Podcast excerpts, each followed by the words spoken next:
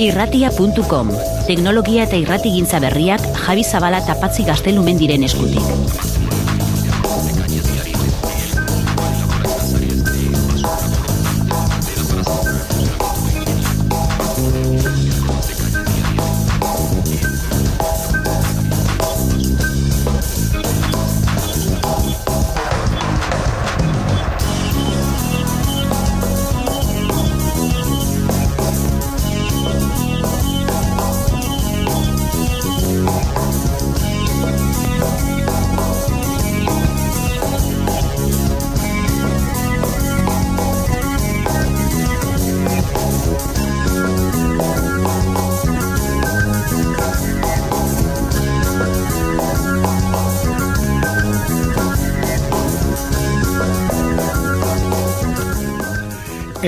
Twitter bidez esan dugun bezala, gaur Irlandaragoaz irratitik.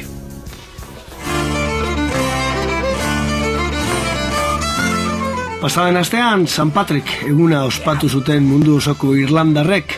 Irlandan bezala, mundu osoan Irlanda zaleek ere ospatzeko aukera eta beta izan zuten. Eta gu gaur Irlanda hartuko dugu izpide, eta gaelikoa, eta zarea, eta hizkuntza eta beste hainbat gauza.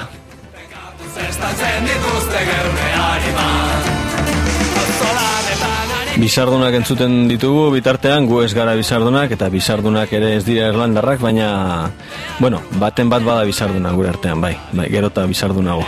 Baina badauka aire hori, aire irlandar hori, eta lehenko egunean, e, pasaden astean, sekulako juerga montatu omen zuten, kafean txokean.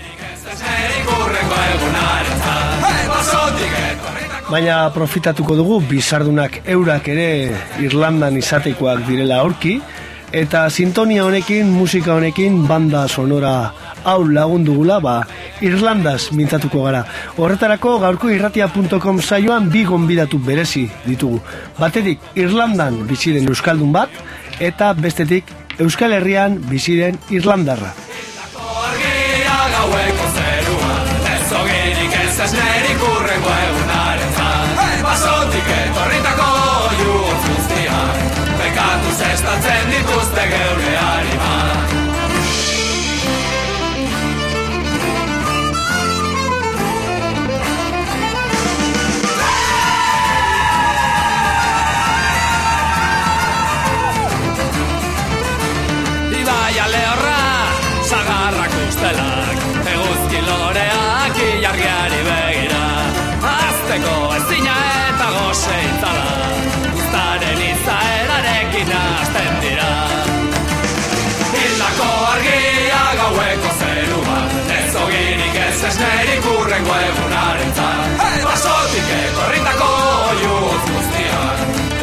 Zestatzen dituzte geure animak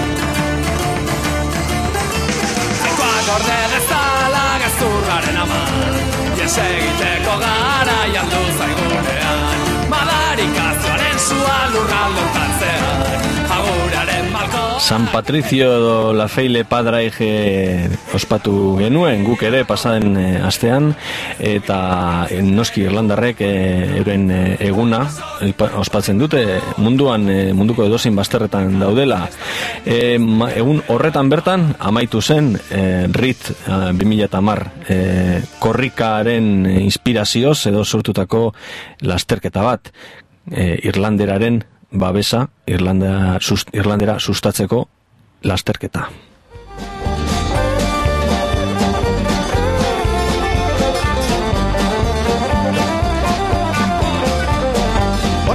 Belfate, Belfastetik e, Galwayra mila zeireun kilometro berreun da berro eta mar herri eta milaka eta milaka personaren e, parte hartzea Irlandera, Irlanderaren alde. Korrikan bezalaxe.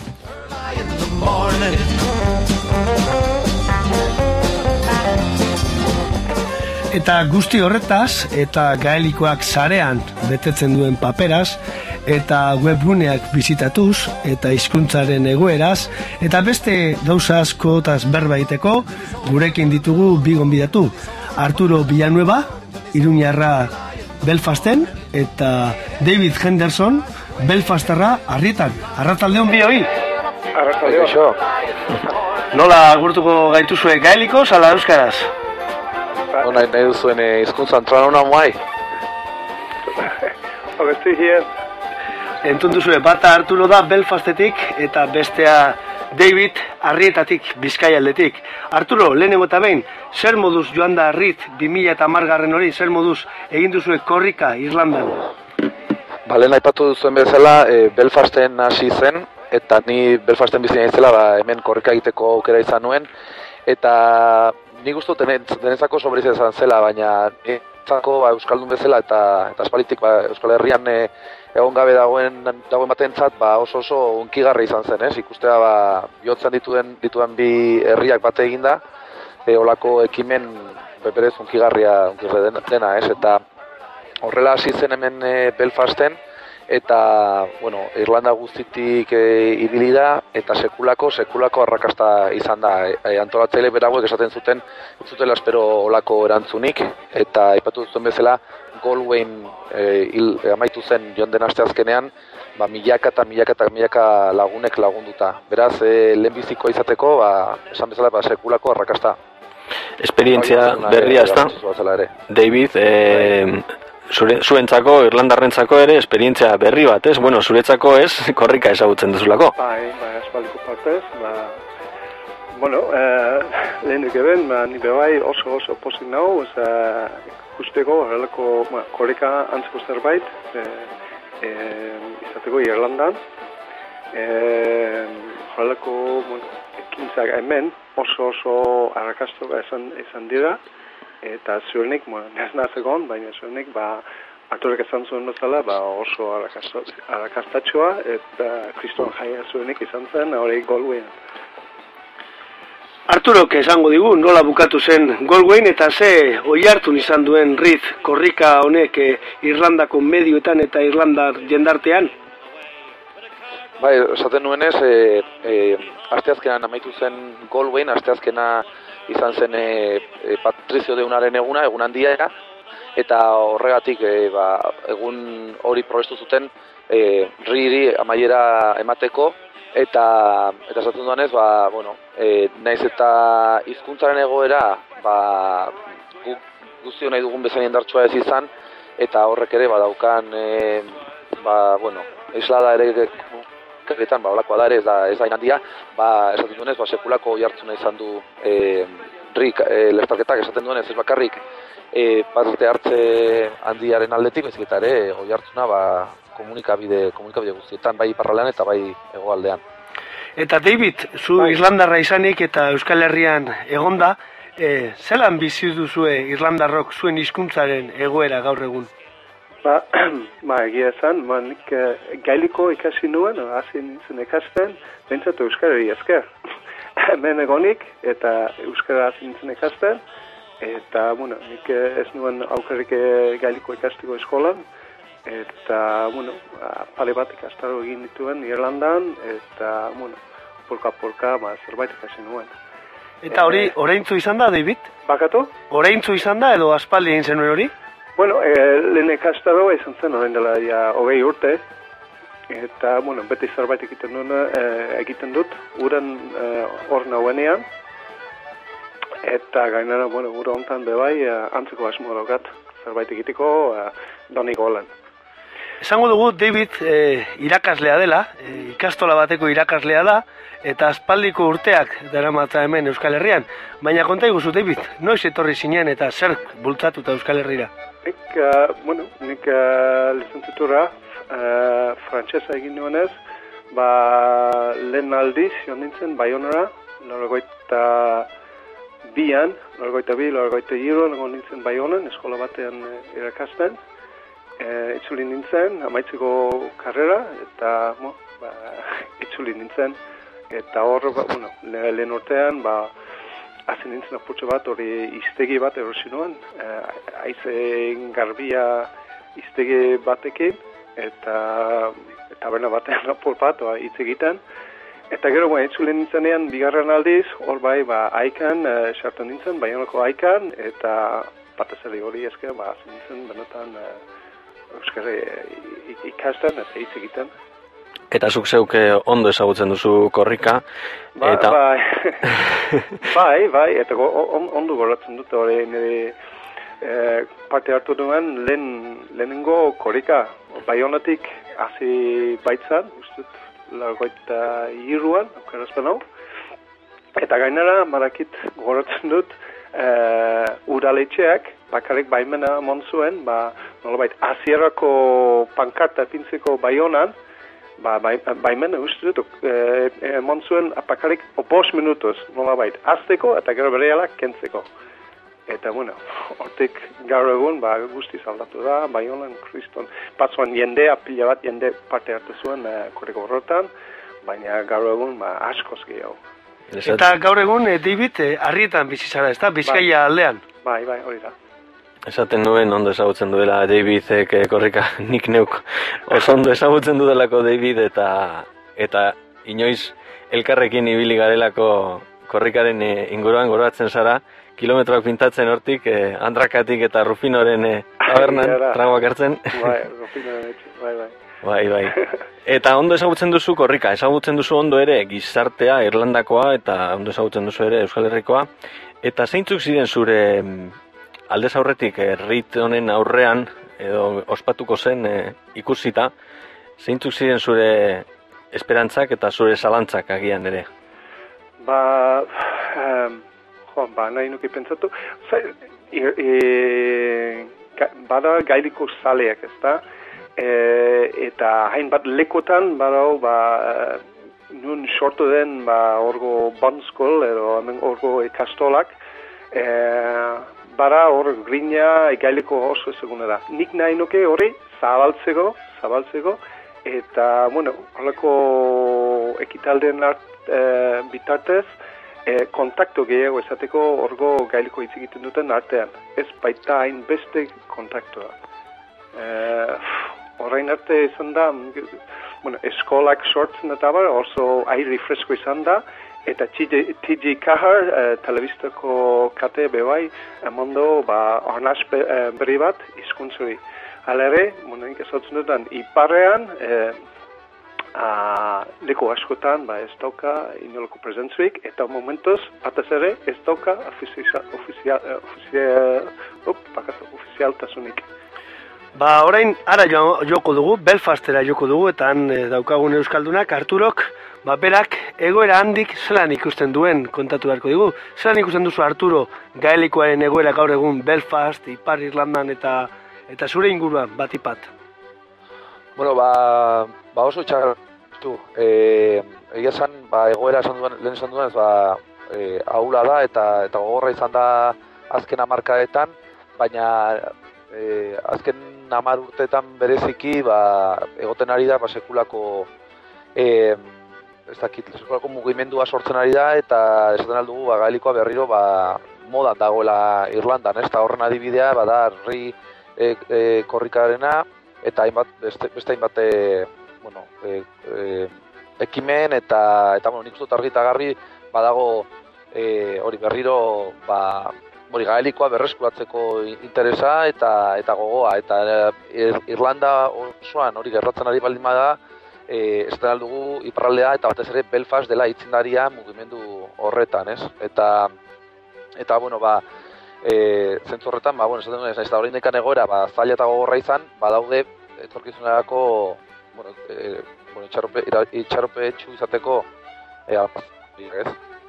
Guk hemendik sarri askotan e, edabidei begiratzen diogu, ze nolatako ba, telebista, e, egunkari edo irrati dauden, e, begiratzen diogu ere sareko egoerari, e, horren gainean zer duzu esateko, Arturo? Bueno, ba, e, esaten, esaten duzunez, ba, bueno, gaur egun ere ditugun tresna berriekin, ba, aukera gehiago badaude ere galikorentzat eta zalantzarik gabe hoiek ere ba, probesten ari dira. Eta nik uste dut e, aurreko aurreko asteak izan dira izan dira horren adibidea e, egon dira ez dakit horretaz gero hitz egin behar dugun e, bueno e, ba, adibidez e, bueno, komentatzen duzu komunikabien aldetik e, apirilaren amabian martxan jarriko da Nuacht Fijeskaher e, proiektua. E, hori izanen da lehenbiziko e, albistegia e, ose, barkatu, albiz, albistaria e, gaelikoz e, interneten, e, eta horik horreposo izan behar du, eta gainera, ba, esaten aldugu, ba, gaelikoa horrela ere sartzen dela, ba, 2.0 e, munduan, horre ere sartuko dituztelako, ba, bereiek bereziki produzitutako e, bideoak, eta astentan bertan austrialean martxan jarriko da e, Gel Scale e, astekaria, bai paperezkoa, baina baita ere, ba, e, sarean egonen dena, eta horrela, ba, bueno, ba, pixkanaka, pixkanaka, galiko ere irabazten ari da e, espazioak e, e, sarean. Eta, bueno, ez dakit, esaten nuen ez, egon dira beste gauza batzuk azken e, bi astetan, zuzuk patxi partartu duzu ekimonetako batean, ez dakit orain horretaz mintzatu nahi duzuen. Mhm. Bai, bai. E, okerrez banago web gune honi buruz, ezta? lnag.org, ezta? Bai, hori izan da pixka bat, e, sortu diren ekimen guztien e, gunea. E, baina, bueno, horta, hort, hortik aratago doa hemengo pro, oza, proiektu hau, e, nola bait, e, ba, sortu nahi da, sarean ere, ba, gaelikoaren komunitatea, ez? Eta horrekatik, ba, hasi dira ja erabiltzen, geltacht 2.0 e, terminoa. Mhm. Geltacht badira gaelikoz e, bizi, e, bizi diren e, eus, eskualdeak Irlandan. Gehienak mendebaldean, mendebaldeko kostaldean e, daude eta eta bueno, gobernuak babestuta babestuta dira, nolabait babestuta eta orduan, bueno, hori da geltacht, hau da eskualde gaeliko dunak e, bueno, bizitza errealean esanen genuke, orain sortu nahi dena da geltacht 2.0 eta horren inguruan hainbat ekimen egon dira azken bi astetan, esan beharra dago ere e, Patrizio Deunaren bezperetan eta inguruan, badela Shachtan Nagelika, e, galikoren astea, eta aurten, e, bueno, indar berezia jarri da ere, bat, e, Twitter, Facebook, blog eta hainbat e, lekuetan, interneten ere, ba, galikoak bere lekua izan, izan dezan. Eta zu orain Javi aipatu duzun bezala, lnag.org-en hor e, jaso dira, ba, horren inguruan sorturen ekimenak, e, eta, eta bueno, e, eztabaidak, idei berriak, eta, eta bar. Eta, bai. Hor, hor, biltzen dira, besteak beste, aipatu duzun, e, Twitter eta Facebook eta horrelako e, tresnak, e, horrelako geltakt e, telematiko bat e, sortzeko, ba, bueno, e, 2.0 tresna horiek, ez da? Horixe da, horixe da. E, bultzada indartxo izan da horretarako, eta badaude ja, bueno, hor, hor, egun hauetan sortu diren ekimen artean eta sortu diren ba, sinergiak eta eta bar ba, ziur izan behar dutela et- etorkizunean segida e, eta ikusko du ba, nola, nola doan garatzen e, ba, galiko komunitateare sarean e, gainera lehen aipatu duzuenez e, Patrizio Deuna ba, mundu osoan e, ospatua da Irlandarrengatik eta e, bueno, Irlandar bezalako herririk ez dago ba, mundutik e, ba, zabaldua, ez? Eta horregatik ere ba, teknologia berriek kriston indarra dute eta gaur egun esaten aldugu geltacht 2.0 hori, ba, sortzen ari den hori, berdin dagoela men Belfasten, berdin e, egon daitekeela harrietan edo Australian. Eta, eta horri ere ba, garrantzi handia ematen, ematen diote, ez? Horrela da, David, jarraiten duzue gaelikoaren norabidea zaretik ere harrietatik adibidez? momentuz ez, momentuz ez. Oso gitxitan jarraitzen dut eh, aloko gauzak egia zan.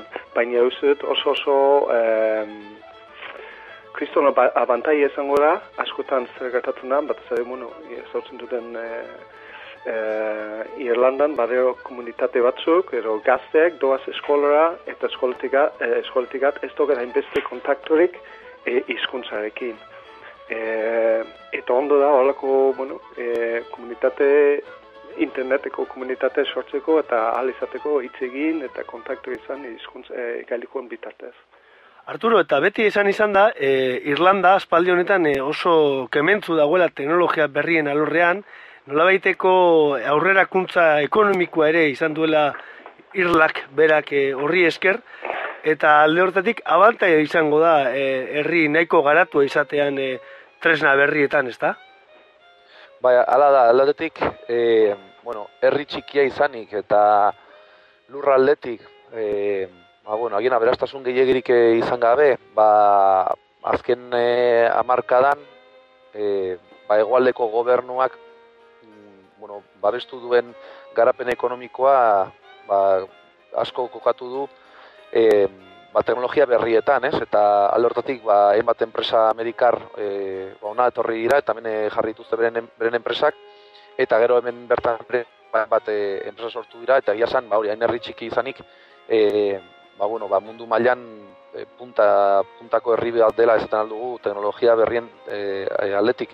Hori, e, bueno, negozio arloari dagokionez, o lan munduari dagokionez, baina gero egia esan, ba, Irlanda, e, ba, Britania handia eta estatu batuen artean kokatua dagoenez, e, ez bakarrik e, geografikoki baizik eta ere, ba, kulturalki, ba, nik uste dut, e, bueno, niri irutzetzat bintzat Euskarri konparatuta, ba, herri mailan askoz garatuago dagola, bueno, teknologia berrien e, ezagutza, ez? Eta eta bueno, inungo komplejuri gabe, ba, jende guztiak erabiltzen du.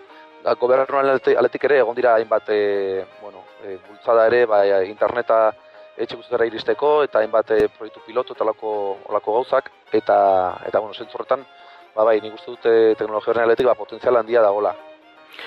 Askotan eh, aipatzen dira antzekotasunak Euskal Herriaren eta Irlandaren artekoak eh, asko, antzekotasun asko, ba, bertako jatorrizko hizkuntza bat, eh, gatazka politiko bat, besteak beste katolikotasuna, e, besteak beste ba, hizkuntza potente bat izatea gainean, es, espainolaren kasua eta frantsesaren kasua Euskal Herrian, ingelesa esan duzun bezala, komunitate bezala oso indartsua da eta horrek ere pisua izango du e, beste komplejo, komplejo batzu, komplejoa ruralizazioa, bazterketa e, Euskal Herrian ere gertatu diren eta prozesuak e, dira. Eta berrizkuratzea ere ba bai, Irlandan ere gertatzen ari da. Ikusi dugu herriten e, adibidea, baina nolakoa da benetan egoera e, Irlanderaren egoera Irlandan? E, bizirik dago komunitate horietan oso larri dago e, berreskuratu ezina da, berreskuratu daiteke? Bueno, galdera pizka bat ez, e, esan nuke, esaten duenez, momentu honetan e, ikusten dut, zalantzari gabe, ba, eta dakidanaren arabera, eta jendearekin ditzaiten duenaren arabera, bada, azken amarkadetan, e, orain momentu honetan gaelikoaren aldeko mugimendua sekulen baino indartsuago dago, hori zalantzari gabe. Eta gainera, e, ekimen estrategikoak martxan e, jartzen eta gero eta eskola gehiago irekitzen ari dira e, bueno, gaelikoz ikasteko, e, gero eta e, proiektu gehiago ere eskoltatik kanpo, eta zentzorretan, ba, ba, bueno, e, baikor izan behar dugu, esan nuke, zen eta konparatzen bali badugu Euskal Herria, haibez, e, Kataluniarekin, ba, gu ba gaude, bueno, e, egoera asko zaulago batean, ez? Eta inbidiaz behiatzen dugu Kataluniara, Kataluniari, ba, berdina, esaten aldut, esaten aldugu nik uste dut, Irlanda eta Euskal Herrian e, arte, ar, e, bueno, konparatzen baitugu, ez? E, Irlanda badago, ba, urte e, askotara e, Euskal Herritik e, hizkuntzaren normalizazioaren aletik. Orduan, ba, UNESCO ere kokatu du zoritxarrez euskararekin batera, ba, mende honetan e, desagertu al e, diren e, hizkuntzen artean gaelikoa. Eta egoera ba, larria da, baina begiratzen baldin badugu ondoan daukagun eskoziara, ba hor, egoera askoz larriagoa da. Mm Orduan, horregat izan dut, ba, e, optimista izan behar dugula, eta nik uste dut badagoela ere errazoiak e, optimista e, izateko. E, nik uste ere, ba, azken amarrutako bake prozesuak ere lagundu duela horretan, eta eta bueno, ba gehiegi luzatu gabe hori da aipatuko nukena. Mm Zuk, David, e, gainera zu bertako azarazuk ezagutu duzu, jatorriz e, hango egoera e, alde egin zenuen garaian, eta tarteka gainera bai. bueltatzen zara, orduan aldaketak ere agian hobeto somatzen dituzu, aldaketak e, gertatzen direnean. Nola ikusten duzu, e, lengo eta gungo egoera? Bueno, alde batetik, bai, ikusten da hor, bake prozesoekin batera, ba, nola bait, hizkuntza e, nore batean normalizatuta izan da. Eta, bueno, gerate gehiago ikusten dira, ba, kaliko izenak, galiko zipintzen, ez bakarik uh, Belfastan, ba, Belfastigat, herri txikietan, uh, eskolak gerate gehiago izaten dira, eta hor, uh, bueno, hor bai, nola bait, e, izkuntzaren, uh, uh, bueno, ez egit, ez egit nola zen, izkuntzaren,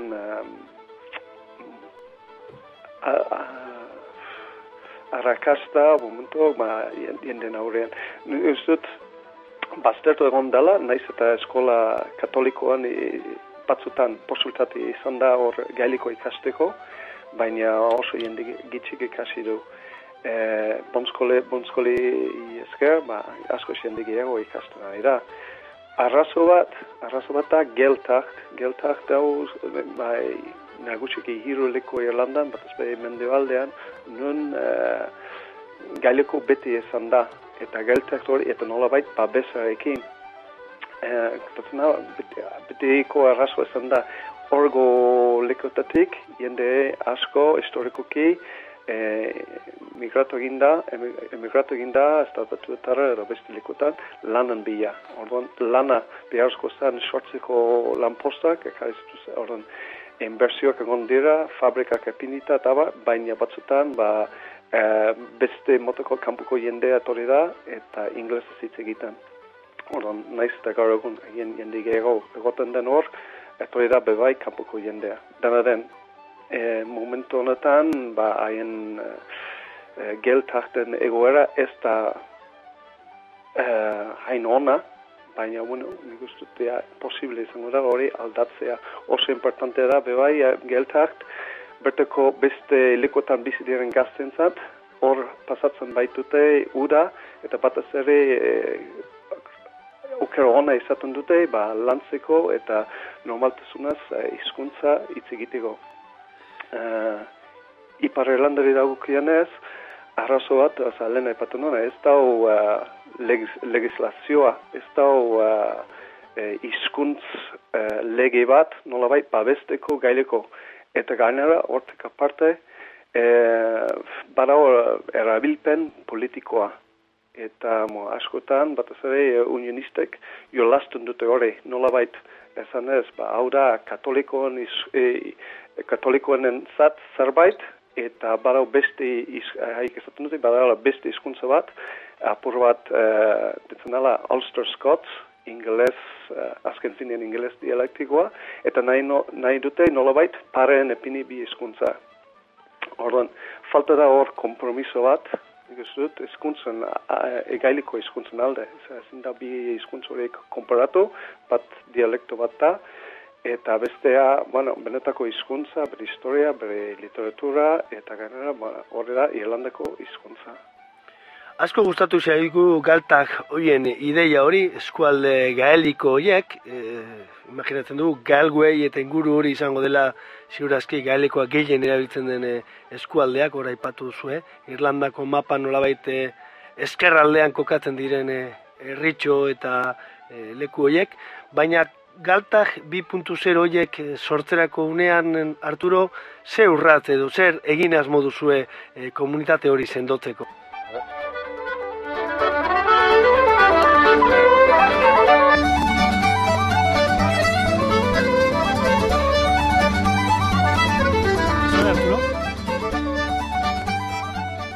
Esaten genuen, galtak ideia hori asko gustatu zaigula, e, nolabait Irlandera, edo gaelikos mintzo diren e, eskualde eta herria direla, kokatzen direla ziurrenik hor galguei eta maparen e, eskerralde horretan, e, Irlandako maparen eskerralde horretan, baina e, tal galtak e, 2.0 horiek e, egin eta osatzerako orduan, ze lan egin asmo da hemendik aurrera zarean? E, bai, ba, esaten nuenez, bueno, e, esperientzia oso bezgarri izan da e, azken aztetakoa, eta bueno, momentu honetan ikustu dute ere, e, bueno, arrakasta ikusita, ba, pentsatzen ari direla, horren atzean zaudena, ba, pentsatzen ari direla, e, bueno, beste ekimenetan eta bueno, aipatzen ari direnen artean ba, ba izan daiteke ba, bar camp bat antolatzea e, bueno, ba hor e, komunitate horretan e, leku fisiko batean bildu, eztabaidatu, el esperientziak elkatrukatu eta eta proiektu berriak e, martxan martxan jartzeko. Mm Esaten nuen ez, e, bueno, etengabean sortzen ari dira proiektu berriak ere sarean eta nik uste dut, bueno, kristonak izan direla, ba, lehen epatu dana Nuacht Fijes Kahar hasiko dela apirilaren amabian, e, ba hori, albisteak e, gaelikoz eta eta bideoak gaelikoz e, ematen era profesional batean, eta eta bueno, eta pizkanaka pizkanaka ere beste komunikabiten ere sartzen ari da. Hor dago adiez BBC berak badauka e, webgunea gaelikoz eta gaelikoz BBC egiten diren saioen berri eta bueno, nik uste dut, ba, potentziala ere ba, oso polita dela, e, hor Twitter, Facebook, e, blogetan eta eta met proiektutan sartuta dagoen jendearen e, aletik, ba, harremanak estutzeko eta eta leku emateko eta geltak 2.0 hori etengabean handitzeko, ez? E, L, LNAG amar etiketa edo hashtag e, erabiltzen ari zarete eta harreta eman behar zaio horri, ezta? Bai, hori izan da, e, ba hori, Patrizio deuna e, ospatzeko modua, interneten jendeari eskatzen zitzaion, ba, egun horretan, e, erabiltzen, sarean zegoenean, ba, hori erabiltzeko, eta hori, ba, azkenean, bueno, ba, presentzia, ere eman hizkuntzari eta, eta oso, oso, oso baliagarria da e, tag hori ez, horretarako. Zer e, neurritaraino, bueno, ikusten dugu, e, e, korrikaren ideia Euskal Herritik hartu duela kaso honetan e, ba, e, Irlandera dun e, komunitateak. E, zen neurritan e, dago ere edo baldin badago Euskal Herrira eta Euskal Esperientziara begira e, bertako jendea, bereziki iztunak, e, Irlandera dakitenak. Bo, nik uste dut sektore e, militanten artean, ba, Euskal Herria sekulako referentzia dela, zabantzari gabe, eta horregatik ez da inondik inola kasualitate bat herri e, martxan jartzea eta eta korrikan hartzea eredua. Nik dut horrek erakusten duela, ba, ba badagoela kristonako interesa, hemen e, Irlandan esaten duen ez, e, izkuntzan aldeko sektore e, militante hoien, hoien artean, ba, Euskal Herrian gerratzen denaren inguruan ere, ba, hortik ikasteko eta eta hemen e, alden moduan eta hemengo egoeran moldatuta ba, gauzak e, martxan jartzeko eta nik uste horregatik ere e, lehen aipatzen genuen agian e, potentziala hau da e, edapena, teknologia berrien edapena e, e, e, e, e, e, ba, Euskarren dagoena baina zabalago da e, baina bestaletik hizkuntzaren e, presentzia eta hizkuntzan oinartutako proiektuak ba oraindikan e, bueno, ba, asko daukatela ikasteko Euskal Herrian, Euskal Herrian hor ba, oso komunitate e, aktiboa zaudetela eta eta bueno, nik uste dut aukera oso politak ere e, zentzortan ikasteko hizkuntza eta teknologia berrien arteko e, ba hori uztar, uzarketa horretatik ba, gauza oso politak ateratzen aldira eta e, aipatzen genuen ba, e, galikoren egoera bueno, ba, aula da eta eta larria da. Baino badaudela hainbat zantzu e, bueno, itxaropentsu bihurtzen gaituztenak eta e, teknologia berriek nik uste sekuloko apera jokatzen aldutela. E, ia zadirez, egoaldeko gobernuak antolatu zuen ba, enpresa berrien e, sarien e, banaketan e, saridunetako bat izan zen tolkairish.com em, eta kriston arrakasta izan du webune horrek, hor, e, bueno, ba, gaeliko ikasi nahi dunaren zat, hor sekulako baliabidea dauka e, sarean. Eta lehen esaten genuen berdin du, e, nun zauden, Belfasten, e, Galwayn, New Yorken edo Shanghai. Eh, esan duzun bezala, eh, elkar ezagutzeko grina bat dago eh, eta internetek aukera hori ematen du eh, Euskaldunok, Irlandera dunak eh, eta, eta alderantziz ezagutzeko pena bakarra e, batak bestearen hizkuntza ikasi ezean, ba, ingelesa irabili beharko dugula, e, edo bitartean, hobeto esan, ikasten dugun bitartean, eta, eta bueno, ba, horrelakoak zuek kenduta, salbuespena saretelako, e, bueno, ala izan da ere, ba, hobe gertatzen bada, elkarreman e, harreman hori, badakite aekako jentea ere ibili dela riten, e, badakit e, badagoela zuk esan duzun bezala interes hori eta honen erakusgarri da ba, egunotan ikusi al izan duguna. Ba, gure aldetik e, eskerrak ematea zuei e, jarraituko dugu beste batean e, suertatzen denean e, horren inguruko zerbait jarriko gara kontaktuan zuekin Skype bidez, telefono bidez eta ba hori esandakoa mila esker e, eta horrengor arte Bai, slan, slan. Gero arte David Aio. Bai. Bai, ez dut, ez dut evident zuten, ez Bai. dakit, eh, Gero arte Arturo agur Agur, Bai, agur, slan. agur, Arturo, eh? Slan. Amor. Ahí va, ahí va, ahí va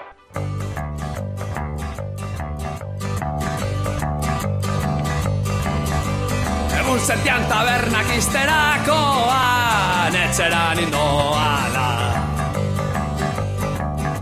Botilla bat puskatuta poliziarekin iskambila Estatzen tripia parlamentaria Sentitu naiz bapatea Himalaian edo labriteko kuestan izanen da bidaia Botilla bat Ba, ikusi duzue, lagunok, aetz bat, iruñar bat, aezkoako jatorria duena, iriberrikoa, Belfasten. Eta Belfasteko Irlandar bat, harrietan, Bizkaian, Euskal Herrian. Eta guk euskeraz jarri ditugu mintzaten zer eta gaelikoari buruz. Hau da gure hitzen sopa, hau da gure hitzen sarea, eta bitartean bizarra mosteko bape gogorik ematen ez duen kantua, bizardunak. Arturo argitzen digu internetetik, eh, claro, berak ez ziola David entzuten, claro, bera ari zan eh, Skypeetik, eta David berriz, eh, naiz etorbilago egon, ba, soinu eskazagoa ematen duen eh, telefonikatik, baina ba, oso ondo egon da, eta berak esan digun bezala, go right my tagaip.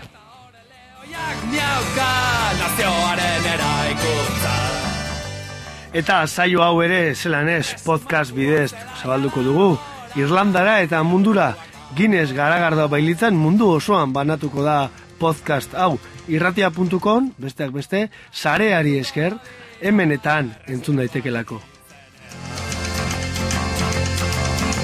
Tocame cago en Dios, pon bajón, puntos a los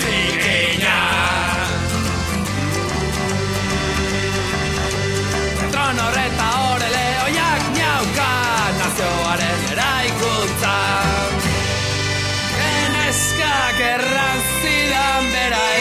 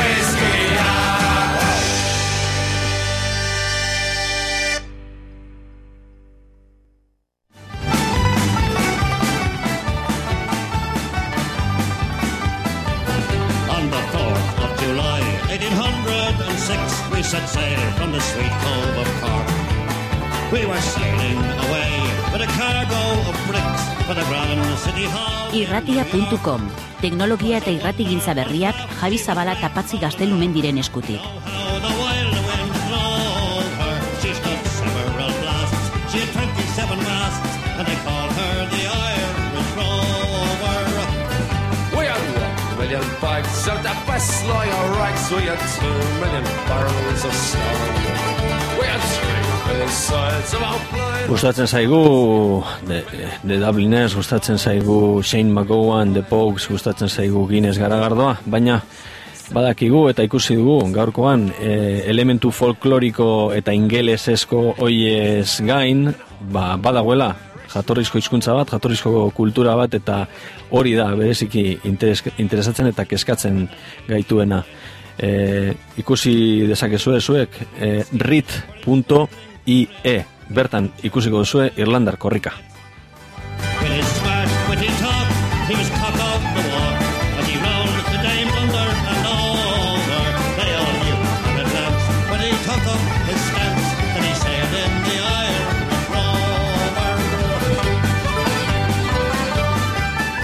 Egia da, izan ere azken bi asteotan e, arreta pizka bat jarri diogula gaelikoaren kontuari, Izan ere, harremana sortu da gure eta hangoen artean ere bai, eta hemengo adibidea eraman genuen Belfastera aurreko asteetako batean, eta Skype bidez egin genuen guk ere orduan agerraldian Belfasteko bilkura hartan, Skype bidez baina kasu honetan e, bideoarekin, eta e, hizkuntzaren alorrean sarean egin beharreko zenbait zehetasun e, azaltzen genizkien berei komunitatea, bizibilitatea, edukiak, tresnak eta erabiltzaileak behar dituela hizkuntza batek sarean irauteko, sortzeko eta aurrera egiteko.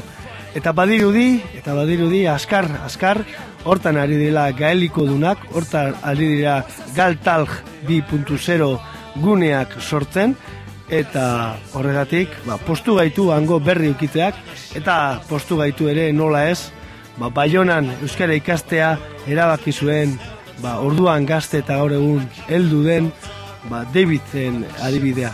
Euskara ere ondo baino hobeto daki, ikastola baten ari da lanean, eta gaeliko ere berrekuperatu du, bere arbazuen hizkuntza zena, eh, berrekuperatu du, eta islari izan ditugu biak irratia.com berezi honetan, Belfastetik eta Arrietatik.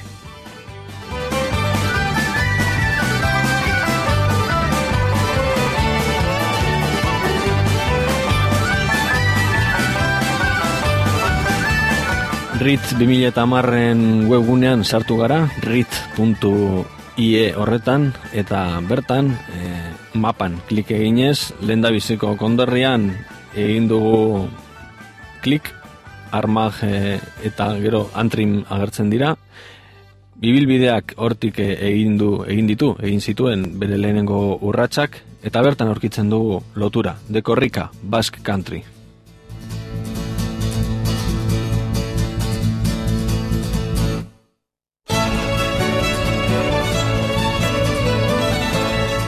Esan du Arturok ere, asko direla Irlanda eta Euskal Herriaren arteko loturak, hizkuntzarena da bat, zareak ere loturak sortuko ditu nola ez, identitatearena ere hor dago ez, nazio askapen prozesuak izan dituzte bi herriek dituzte, eta bake bideetan dabiltza batzuk eta bake bideetara heldu nahian besteak, baina egia da Irlandak eta Euskal Herriak musikak ere bildu dituela, garagardo saletasunak eta beste gauza asko eta askok.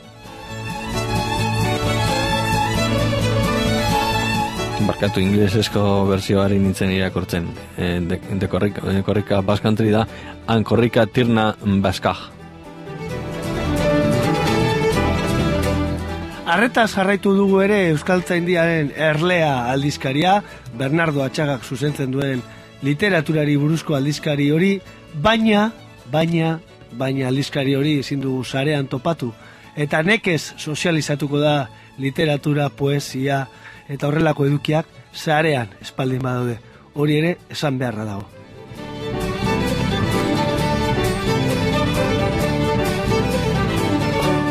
Erleak eta gauza estiak maite baditugu ere, gehiago maite ditugu armi arma eta bere sareak.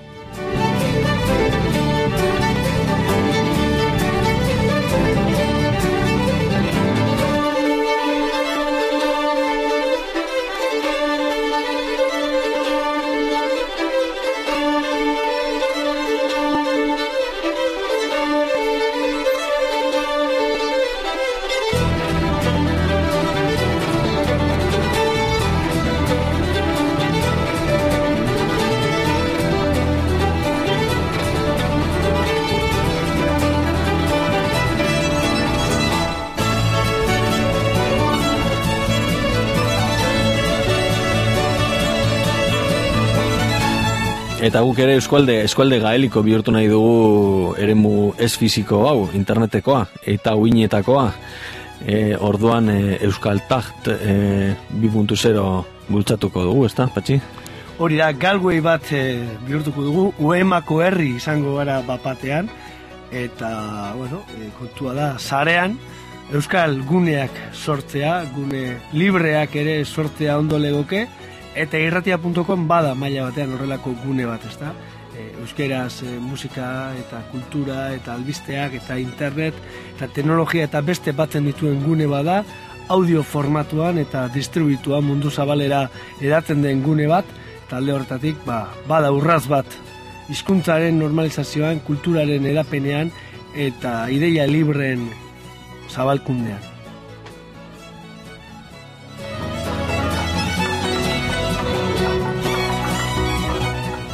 Gure poesia oso merkea da, oso eskasa ere, ez gara poetak, baina benetan gure poesia emailu bat da.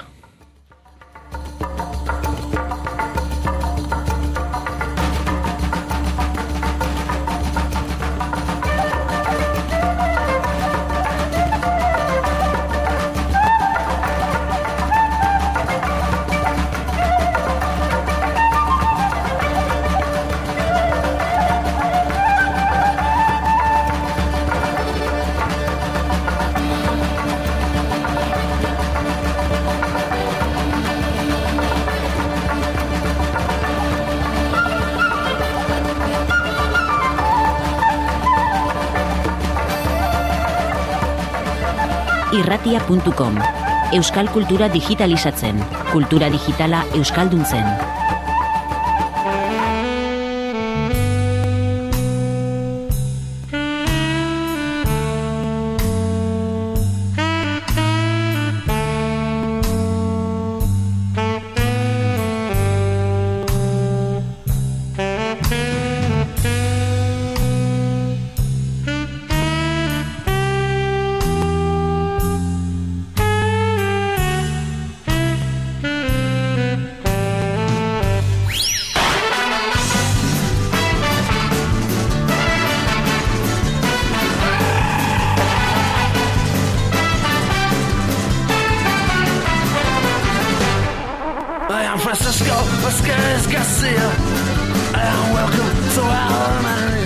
Ezberdintasun bat eh, topatu dut Irlanda eta Euskal Herriaren artean.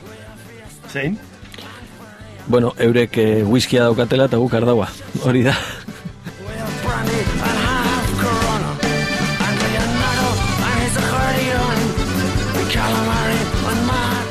Eta Guinnessa bezalako marka on bat. Guk ez daukaguna eta uste dut bertako eta bertoko eta eta pagoa eta horrek ez dira inondik inora heltzen eh, Guinnessaren neurrira.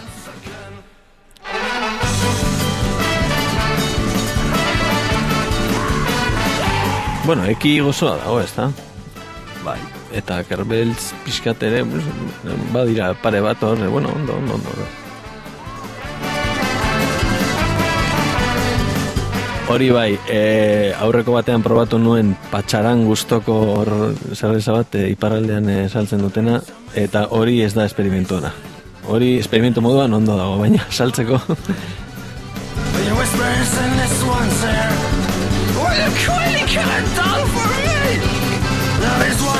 Baina lasai, bertzo dinerrak behingo dituzte Belfasten, bizardunak ere ongo dira, así que gure herriarenak eta Irlandarenak egin du. Ez da entera ninduan ez dela komeni nahaztea, bueno, patxaranaren eta zabrezaren kasuan argi dago, baina nazketa polita da, ez da, hori.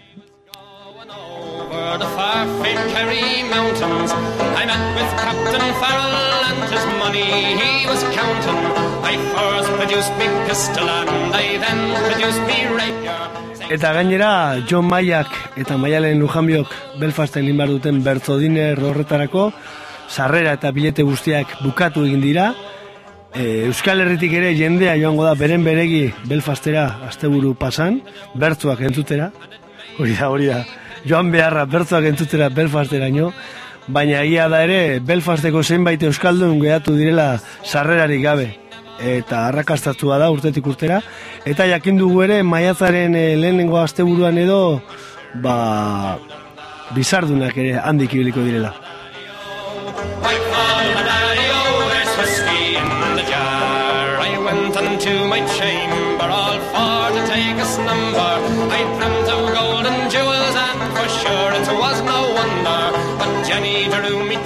Irratia.com Pentsatu lokalki, eragin globalki.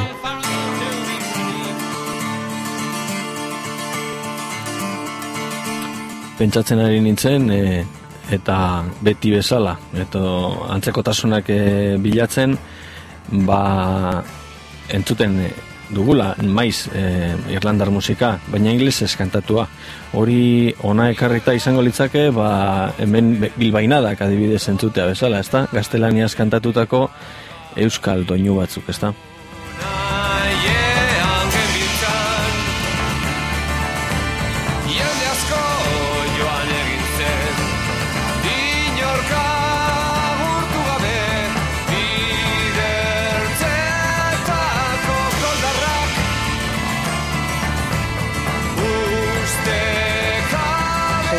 Entzungo dugu, beraz, e, Irlandar doinua, Irlanderaz kantatua, Breag taldearen eskutik.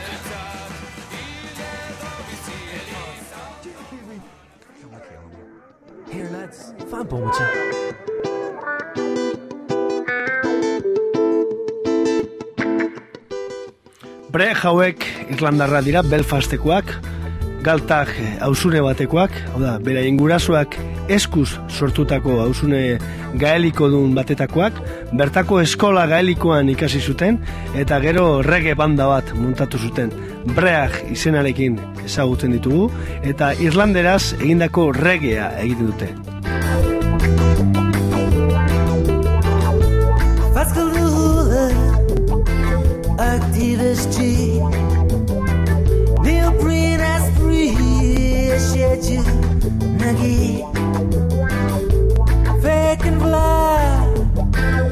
a Vaskalston Grand, I should appreciate kind of my rain.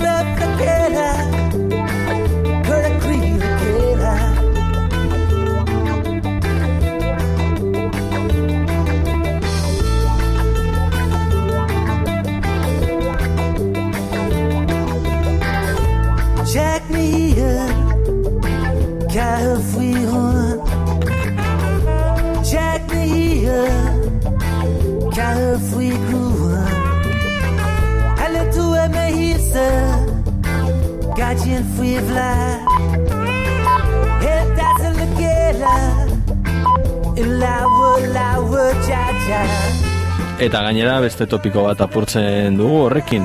E, irlanderazko, irlanderaz kantatutako musika bakarrik folk musika den topiko hori, ezta?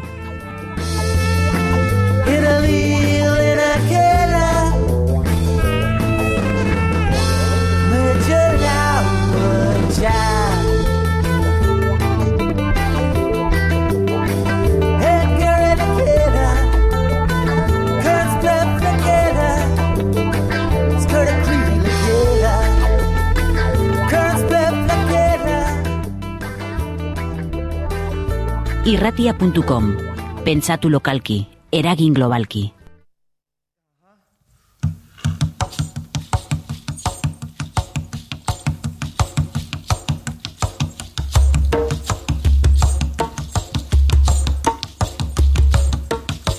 Gaffa ha en ait in a línan an tjocht a vi me Eta beste webgune batean sartu gara, beste talde bat entzuten ari gara, kila.ie webgunean, K-I-L-A. Eta hauek ere, fusioa egiten dute, world music e, eta irisen artean. Chon macht John a bohir ag an kassan an a heva ta me Chon tastel hir as hauler is a frolach an down a ta me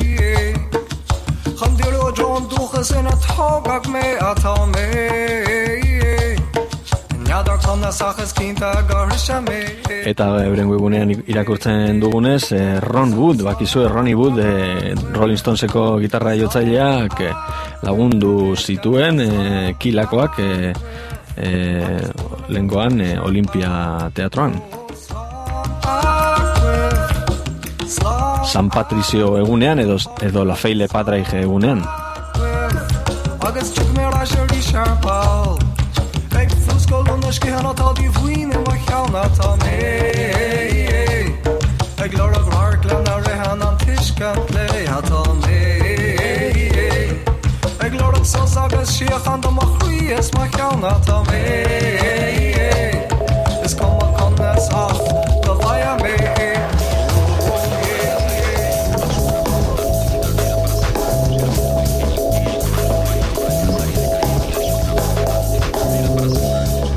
Euskal Herritik Irlandara jo dugu, bidai on bat egin dugu sarean murgilduz, Irlanda eta bertako hizkuntza, bertako hizkunt komunitate aktiboenak, baita sarean ere ezagutu ditugu, eta bi testigaltza, Euskaldunarena han eta Irlandarena hemen.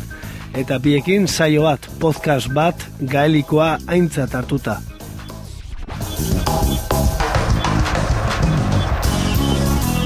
Eta amaitu dugu Irlandako musika entzuten. Ze polita den Irlandar musika tradizionala, baina ze polita den eh, edozein musika Irlanderaz entzutea. Beti bezala irratia.com teknologia berriak, hizkuntza, kultura eta beste musikarekin ustartua hemen irratia.com saioan Bilbo iria irratiko estudioetan sortu, baina Euskal Herriko amaika irrati Euskaldun eta libretan eskaintzen dena astean zehar.